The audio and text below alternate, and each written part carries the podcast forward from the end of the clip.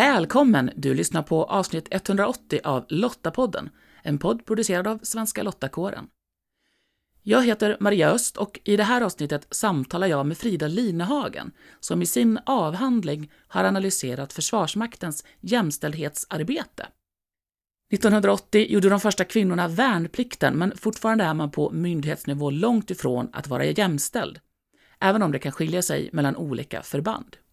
Frida har i sin avhandling utforskat anledningarna bakom den långsamma utvecklingen och kopplar dem till ett motstånd mot förändring, både på strukturell, organisatorisk och professionell nivå.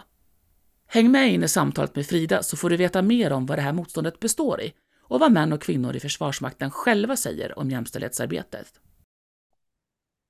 Frida, välkommen tillbaka till Lottapodden. Tack så mycket. Du, eh, jag ska alldeles strax eh, be dig presentera dig, för det var ju ett tag sedan du var med, det var 2019 och då eh, pratade vi om den första av, som nu då har blivit fyra delar i din avhandling. Ja. Ehm, men jag tänker bara lite kort ändå, så här, vem är Frida? Frida Linehagen heter jag och jag är numera då doktor i risk och samhällssäkerhet. Eh, men också officer sedan eh, sådär 20 år tillbaka i alla fall, inom eh, marinen. Och vad var det som gjorde att du valde att bli officer? Oj, det eh, minns jag knappt.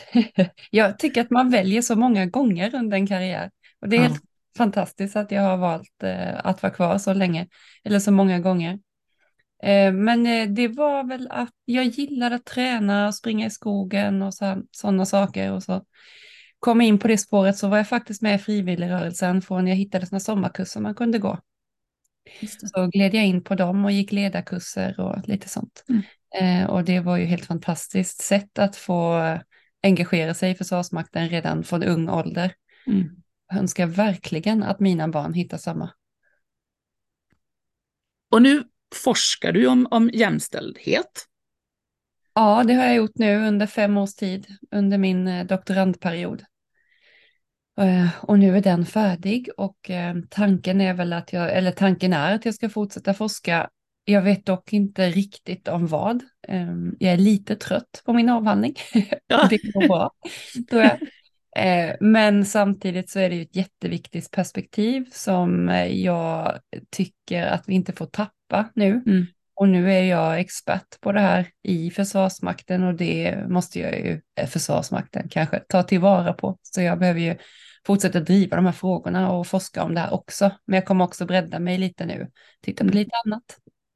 Och, och varför var det just jämställdhet som du ändå kände att du ville titta närmare på?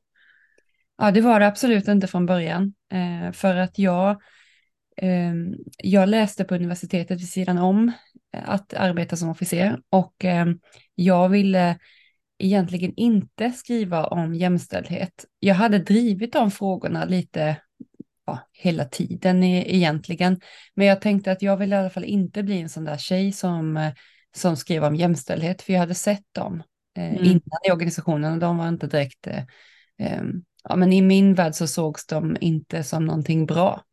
Och då kände jag att det, en sån vill jag inte bli, liksom. jag hade hört så mycket skit om det.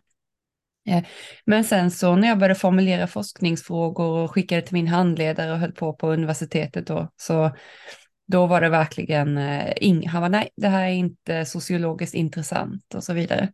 Och sen till slut tänkte jag, ah, egentligen så tror jag att någon del av mig verkligen ville skriva om det här. För mm. att jag hade ju drivit så mycket i det och jag hade en så stor insikt i problematiken, tyckte jag själv i alla fall. Mm. Eh, så då blev det på det hållet. Och sen när själva avhandlingen skulle skrivas, då eh, gjorde jag en liten kupp kanske man kan säga. För att när jag sökte in på den här tjänsten på Försvarshögskolan så skulle man skrivit en, en eh, forskningsplan och en sån tar flera månader att skriva. Och då valde jag att inte skriva om jämställdhet trots att jag visste att det var det jag ville forska om. Men jag tänkte då att om jag skriver om det så finns det en risk med erfarenhet att man inte vill anta mig, utan man tar hellre någon annan som skriver om någonting som man hellre vill ha forskat på. Mm. Eh, så jag låtsades och skrev en forskningsplan om något annat som jag inte var intresserad av inom ledarskap för att det skulle eh, få in mig och så gjorde det det. Och så fort de sa att jag fick befattningen så rev jag den och så skrev jag en ny om jämställdhet. och nu vet ju inte jag om det kanske hade gått ändå, men jag, nej, det finns motstånd och jag mm. tänker att det hjälpte mig. Ja, det, vi ska ju komma tillbaka till det motståndet, men jättespännande mm. att det fanns hos dig själv också. Ja, gud ja. Men du, som sagt, du har ju då i din avhandling just analyserat Försvarsmaktens jämställdhetsarbete. Det är ju en jättearena, tänker jag. Så liksom, vad var det du tittade närmare på? Det är som du säger, det är ett jättestor arena. Liksom. Försvarsmakten gör mycket, i, eller de gör saker i dem. Så det jag fokuserat på, det är mer så här, den kvalitativa jämställdheten i organisationen genom att jag har tittat på intervjuat kvinnor då som vi har pratat om innan, om hur det är att vara kvinna i, i en mansdominerad miljö. Och sen gjorde jag en likadan studie, eh, fast på män.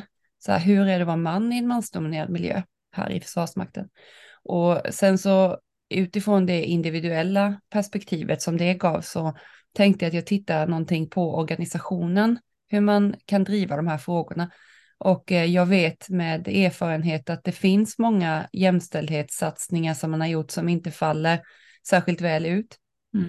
Och enligt forskningen, så, eh, alltså internationell forskning, så är det att när man, eh, när man driver igenom jämställdhetsarbete i mansdominerade organisationen så så går det oftast inte bra. Det är oftast något som failar liksom. Och då mm. tänkte jag att då tittar jag på en sån och ser vad det är som failar. Och sen tittade jag slutligen på, eh, ja, men utifrån eh, den militära professionen lite mer hur den har utvecklats ifrån, eh, ja, mer från kalla, när kalla kriget tog slut fram till idag. Och som du säger, då, Försvarsmakten har ju jobbat länge med jämställdhetsfrågor och och har gjort och, och gör väldigt mycket. Men alltså, hur står det till då med jämställdheten? Ja, det beror säkert på hur man skär det. Rent kvantitativt så eh, blir vi ju fler. Eh, jag kommer ihåg att när jag ryckte in i värnplikten, eh, typ år 2000, då tror jag vi var 5 procent eller något sånt här militärt mm. anställda. Eh, och eh, inte så många värnpliktiga och så. Eh, och idag är vi ju mer. när jag publicerade min avhandling här för på förra årets personalsiffror så var vi eh, 11,9 procent militärt anställda kvinnor. Och det kan man ju tycka så här, det är väl mycket. Fast på 20 år, jag vet inte. Mm. Jag tycker det går otroligt långsamt. Mm. Det går ju framåt många gånger, eh, men det går långsamt. Det är väl det egentligen. Mm. Jämställdheten i samhället överlag börjar ju också vända nu och gå lite inte åt det positiva hållet utan mm. lite baklänges. Det. Och det kommer ju förmodligen också med all säkerhet slå igenom även i vår organisation om det får fortsätta så. Och om vi kommer tillbaka till det här motståndet då, alltså mm. vad är det som, hur visar sig det på? Vad är det för motstånd som du ser? Ja, jag såg egentligen motstånd på alla de här tre nivåerna som jag tittade på, alltså både individuellt och som blev ett strukturellt perspektiv, eh, bland personerna men också från organisationen och professionen. Eh, och eh, det visar sig till exempel utifrån kvinnorna, många gånger som jag säkert pratade om, om sist, så handlar det mycket om att man som kvinna helst inte vill vara kvinna, de allra mm. flesta mm. vill säga, utan man vill vara militär. Och inte en kvinnlig militär såklart. Just det. Mm. Eh, och det är viktigt för de allra flesta att det är på det sättet och att man till exempel inte förfördelar andra kvinnor eller att man inte tussas ihop med någon annan tjej för att hon också är det och sådär, utan man vill liksom det är viktigt för de flesta kvinnor att få vara en del i den här gemenskapen och det är ju mestadels män. Och det blir ju så rent eh, teoretiskt också om man tittar för att då eh, finns det en, en teori som eh, många är bekanta med eh, från eh, Kanter som, som är liksom jättegammal, men den visar att om man är en jämställd organisation när man kanske är 40-60 eh, kvinnor och män, eh, det innebär en jämställd organisation. Men om man är en skev organisation eller man är en token som det till och med heter, då är man under 15 procent. Och det är vi ju i Försvarsmakten. Mm. Då gör de här kvinnorna i det här fallet allt för att liksom passa in i den här normen. Och det är som jag också ser att många kvinnor gör i Försvarsmakten och på det sättet blir det någon slags motstånd mot eh, att faktiskt bidra med kanske ett annat perspektiv just för att man råkar vara kvinna. Och nu menar jag inte att man har ett helt annat perspektiv varför man är kvinna alla gånger. Det vill, all, det vill inte alla kvinnor alltid bidra med heller. Men eh, det finns ju en viss eh, vinning i att ha med kvinnor och inte bara ha mer kött, liksom, utan mm. ha mer kapacitet för att vi blir farligare för fienden om vi kan tänka på olika sätt och representera hela befolkningen. Så för kvinnorna är motståndet ofta det, att man eh, försöker förhålla sig till de här manliga reglerna eller normerna som finns och att man eh, ehm, ja, men ibland också sätta upp ganska hårda, strikta normer kring hur man ska vara som kvinna och hur andra kvinnor får vara och sådär.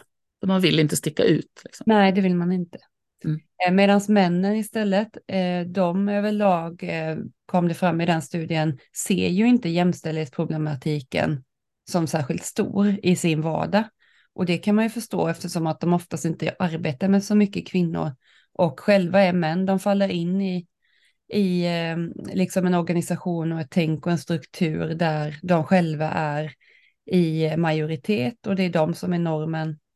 Och det har varit så i många hundra år.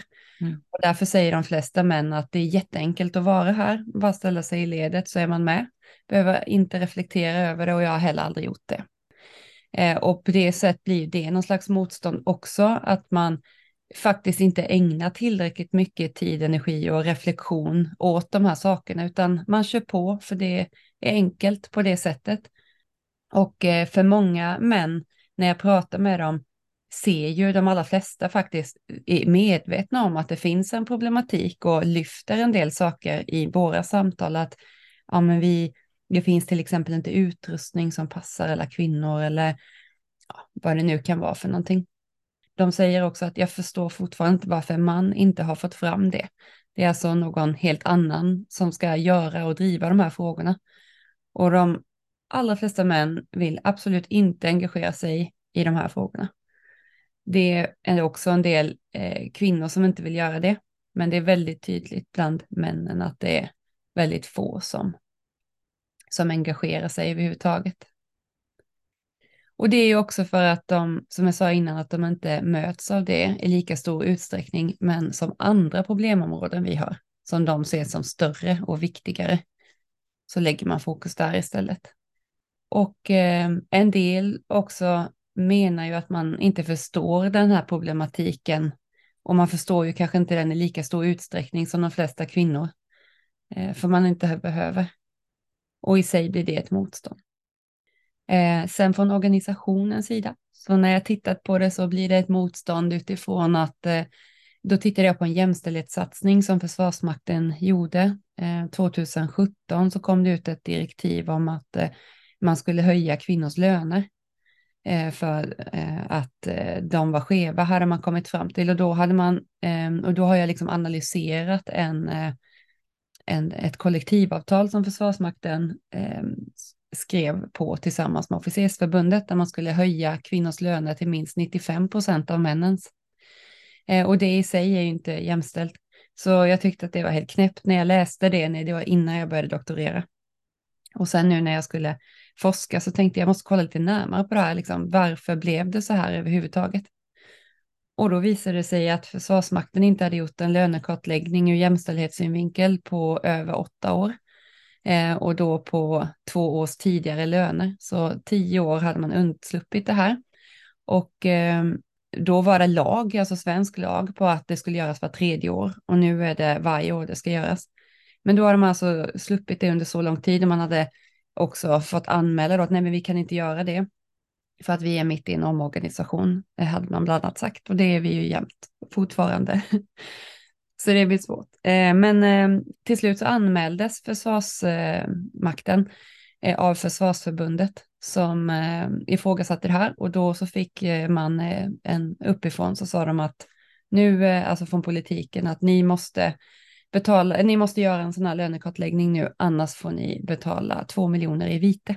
Och då gjorde man en och den eh, blev eh, inte så bra, för det visade sig att kvinnor tjänade väldigt mycket lägre än män. Men samtidigt vill jag också säga att den var inte korrekt gjord, utan man gjorde den lite snabbt. eh, istället då för att kanske använda verktyg och personer eller organisationer som jobbar med sådana här saker. Så kom man fram till någonting snabbt. Jag tror det var genom utdrag i prio eller någonting som inte alltid stämmer med verkligheten. Och, men oavsett visade den ju att kvinnor tjänade lägre.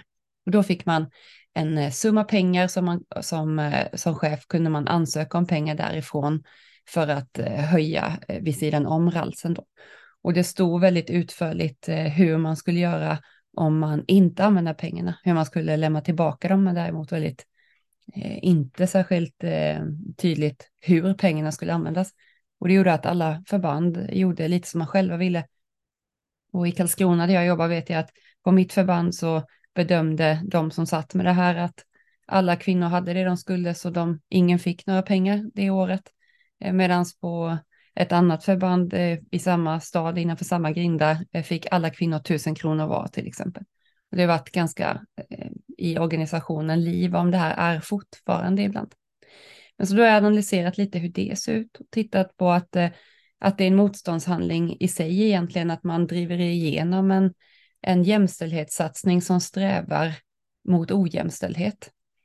Och jag kan inte se det ur något annat sätt än att det är ett motstånd och att man helt enkelt inte vill ha en jämställd organisation. Och det är ju bara ett exempel på jämställdhetssatsning som inte har gått så himla bra. Och sen mm. tänker jag utifrån professionen också, eh, så har vi tittat på lite olika delar, men eh, en sån tydlig grej blir ju till exempel det här med, med uniformer. Eh, att vi fortfarande inte har en eh, alltså en uniformsystem utvecklat för den kvinnliga kroppen. Mm. Och jag tror det är 2026 så ska den första komma som är då eh, gjord för eh, unisex, alltså, ut, alltså utgår den mm. från mannen också då. Men då så, och det är alltså nästan 50 år efter att första kvinnan ryckte in. Mm. Då kan man tycka att det är en motståndshandling i sig, för att det är otroligt långsamt, för vi har hunnit utveckla väldigt mycket andra, mycket mer avancerade saker under den tiden. Mm. För att vi har velat. Och det där är ju spännande också, tänker jag, då utifrån det där, vad är det som är norm? Och att då försöka passa in alla i den ramen snarare än att se eh, möjligheten i att vi är olika. För jag tänker, alla män är ju inte lika heller. Nej, men verkligen. Och flera jämställdhetssatsningar som man har gjort, det har jag nog skrivit någonstans också, som kanske har utgått från kvinnor från början, som väldigt många jämställdhetssatsningar görs när man ska integrera kvinnor i en manlig värld. Flera av dem som har liksom gått att utveckla, ja, men som till exempel badhandduken eh, som kom, Eh, och den var ju först för kvinnor för man skulle kunna täcka mer än bröst eller underdel liksom när man skulle. Just det, för, för den var ju väldigt, väldigt liten ja, från början. det var som fick plats. En, hand, en handhandduk liksom. precis. Och då när man utvecklade den, alltså sen så fick alla kvinnor den, men sen fick ju alla män också den, så nu ingår ju den till mm. alla i Försvarsmakten och det är väl rimligt att eh, män också kanske vill skylla sig såklart. Eh, men det finns ju också Eh, vad var det mer jag tänkte på? Men ja, det vet jag inte om det har med det att göra, men det, är ju en sån sak, jag tänker på vapen. När, mm. när jag gjorde värnplikten år 2000 så hade vi någon AK5 och då vet jag att många hade svårt, som tjejer då framförallt, som oftast är lite mindre, eh, de hade svårt att säkra vapnet på mm. ett korrekt sätt med tummen. Och då fick man, det gjorde bland annat jag, och jag är ändå inte särskilt liten, men ta bort kolven från axeln och sen liksom skjuta bort vapnet lite för att få en annan vinkel på tummen. Eh, men det var strikt förbjudet att göra så, utan den skulle vara mot axeln hela tiden. Och då fick de tjejer som, och killar, men det var bara tjejer i vår pluton, som behövde ett, en förkortad kolv. Och då kallade man det för tjej AK5 då, för den var ju lite, mm. lite lättare, alltså vad kan det vara, några gram lättare. Mm. Men sen utvecklades ju hela eh, skjutreglementet och eh, då blev det ju en ställbar kolv istället till slut eh, på vapnet. Och vad som är vad vet jag inte. Men nu är det ingen tjej AK5 längre, men den passar uppenbarligen fler. Och Just. andra skjutställningar och så vidare. Men att se det här kanske perspektivet också, att vi kan göra det här, så blir det bättre för alla på olika mm. sätt. Medan då, tillbaka till det här med uniformerna, varför har vi inte fått igenom det då, på mm. de här 50 åren? Jo, för att det är bara tjejer som det mm. i så fall skulle eh, gynna och då är man inte lika benägen att göra det. Så tänker jag att det är. Liksom. Mm. Och det där blir ju lite moment 22 också då, för man har ju en väldigt tydlig eh, målsättning i Försvarsmakten om att bli fler kvinnor. Mm. Och någonstans blir det ju lite, om man då liksom kommer in i en verksamhet där det inte finns materiel för en som passar, det är klart att det blir ju inte heller någon positiv spin på det. Det blir ju, det blir ju ett motstånd, tänker jag, för kvinnor att, att komma in och vara kvar. Ja, det tror jag att en del tänker, men också att många gör ju inte det, utan man tänker som de kvinnorna jag intervjuat när vi har varit så få, om man säger, att ah, får jag ta liksom. Eh, ja, jag vill vara här ändå, så att jag ja, tar. Ja, jag har ju vetat om det här hela mm. tiden mm. och sådär, och då tar man det, men om man vänder på det och, och är så otroligt omständig som jag kan vara och säga liksom att fast Fast hur många män hade gått runt i trosor i 40 år? Eh, det är liksom en annan slags tabu på det än att mm. tjejer har kalsonger till exempel. Sen mm. kommer ju det här, eh, på ett sätt så blir det här lite enklare och svårare när vi kommer in fler kvinnor, som nu med den eh, könsneutrala värnplikten. Eller när det är en allmän värnplikt för första gången och inte bara en allmän värnplikt för män. Så det är klart att eh, när det är fler kvinnor som kommer in så ställer ju det högre krav på organisationen och de kan inte stå emot, eller den kan inte stå emot på samma sätt om alla liksom kräver det här. Men inte mm. om alla bara anpassar sig, det kommer inte hjälpa hur många kvinnor mm. vi ändå kommer in. Utan, men jag tror också att det är lättare för de här kvinnorna som kommer in när vi blir flera att faktiskt driva frågor som, ja, där kvinnor står i fokus utan att man är då en token som ja, men titta till mig också, utan titta mm. till oss också. För vi behöver också kunna verka här, liksom, att det blir mm. mer en naturlig del i det. Och då tror jag att det här motståndet som kvinnor kanske uppvisar kommer suddas ut allt mer. Och på, då blir det ju en starkare kraft liksom, för att kunna mm. driva de här frågorna. Och också män kommer ju se det här eh, dagligen eller mer, liksom oftare än vad de gör idag. Och mötas av den här problematiken och också då behöva och kanske vilja driva de här frågorna. Eh, om det är så. Men det kommer ju inte lösa sig bara för att vi blir fler, tyvärr, utan Eh, vi måste fortsätta att påtala de här bristerna och det som är bra såklart. Och jag tycker det här är ju spännande också då utifrån att, att ÖB och, och ÖBs ledning är ju otroligt tydlig med vikten av att det blir fler kvinnor. Då. Inte, inte just utifrån kanske en jämställdhetsfråga i första hand, men just utifrån det här att få effekten, det här du sa tidigare om att kunna ha olika perspektiv, alltså mångfalden i organisationen. Så jag tänker det är väl någonstans det där om man har ändå jobbat med det, med det länge och sen ändå som sagt då, att det går så himla trögt. Ja, men jag tror att det här som du sa med ÖB och de eh, killarna och tjejerna, eh, att de vill driva att de driver jämställdhetsfrågor, saker, men inte för jämställdhetens skull, utan mer för, ja, för den operativa effekten som de kallar det, eller förmågan. Det är ju ett sätt för dem också att försöka få genomslag med det här i organisationen. För det räckte inte med att säga att för att vi ska vara fler kvinnor, för att det ska vara en mer jämställd organisation, för att vår organisation köper inte de argumenten. Mm.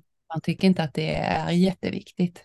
Och det är ju något som jag möts av eh, bland personer jag intervjuar och pratar med mina studier och läser om, men också liksom i liksom min, min vardag eh, när jag arbetar. Utan eh, man vill liksom istället, eh, man tycker inte att det liksom är ett tillräckligt argument på då, att ett rättviseargumentet räcker inte för att vi ska ha kvinnor på den här mansdominerade arenan. Mm. Utan man behöver liksom förstå varför. Och jag, senast bara några månader sedan när jag föreläste på högre officersprogrammet, så var det en, en kille där som sa, som frågade på slutet, men då sa men du tror inte att vi liksom behöver förklara lite mer varför vi ska ha jämställdhet? Och då kommer folk att köpa det här mer. Eh, men jag tycker att det absolut inte ska behöva förklaras för utbildade människor i Sverige på 2000-talet varför mm. jämställdhet eh, ska finnas även i Försvarsmakten. det blir liksom jättemärkligt. ÖB och de är väldigt tydliga, som du säger, uppifrån vad Mm. man vill eh, och vad man är på väg. Eh, men sen är det någonstans som det inte liksom går igenom helt.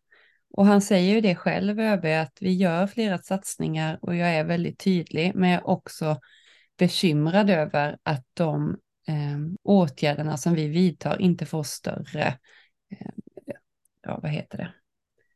Ja men att de inte får större spridning eller att det sker liksom inte Mm. hela tiden och hela vägen. Mm. Det är klart att eh, jag är också bekymrad över det och det var därför jag liksom ville titta på lite varför blir det så? Och jag vet inte, jag kan inte svara med min avhandling var det här stannar, men det kanske kan bli någonting framöver. Men jag, det verkar Mm. som att en del stannar på förbandsnivå. För att man ställer ju rätt höga krav och tittar liksom eh, alltså uppifrån och så säger de att det är till exempel återrapporteringskrav och sådana Mm. här saker som man ska göra. Men ibland när det är nere på förbandsnivå så då blir ju konkret på ett annat sätt bland alla personer som arbetar där och då, då är det någon som sitter där som får bli eh, likabehandlingsperson eh, till lika med massa andra uppgifter för att Mm. det är oftast ingen heltidstjänst. Och då beroende på vem som får den som oftast inte har vare sig utbildning och kanske inte heller något engagemang i frågan, något personligt engagemang. Och beroende på vad man har för personligt engagemang i den frågan så blir den olika prioriterad såklart eftersom det är en tillika uppgift.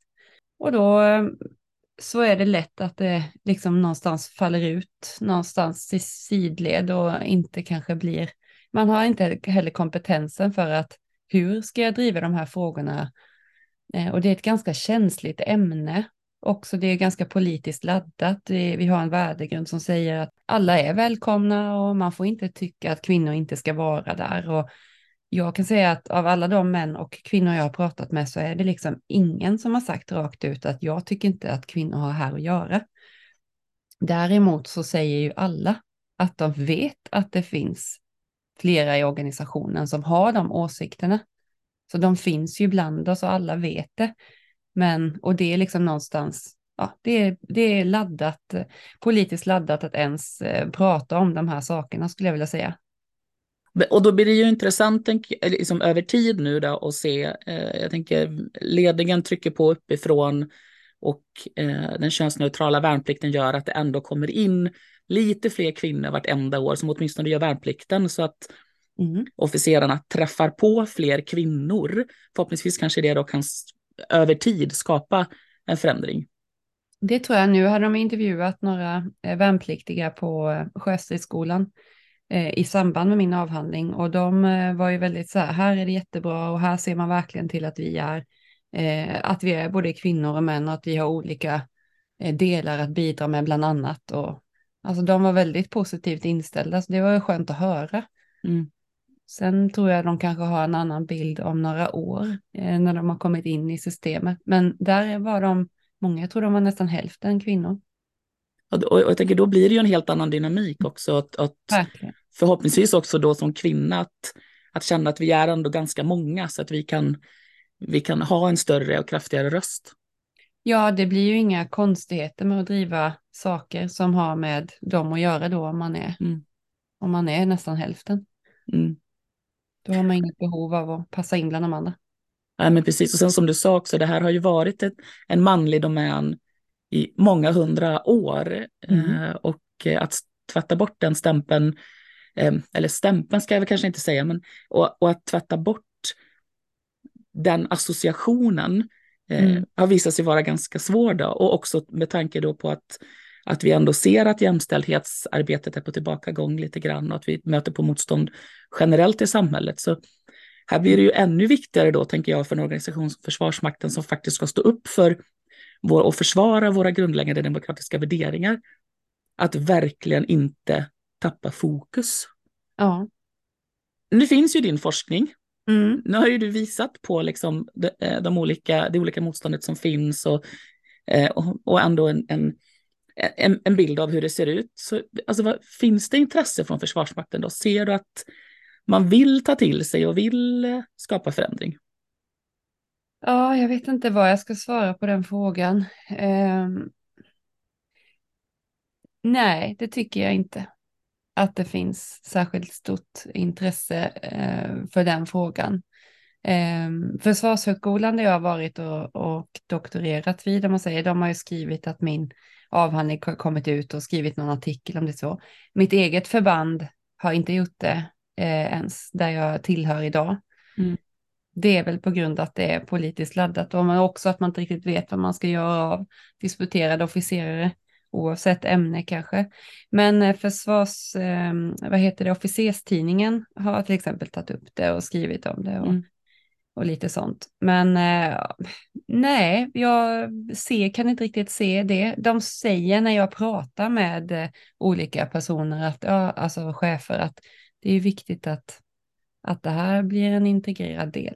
Men mm. än så länge har det inte blivit något eh, något av det om man säger. Men det kanske kommer. Det, jag tänker att jag kommer inte kunna sitta och vänta på det heller, utan jag får ju bara fortsätta driva de här frågorna.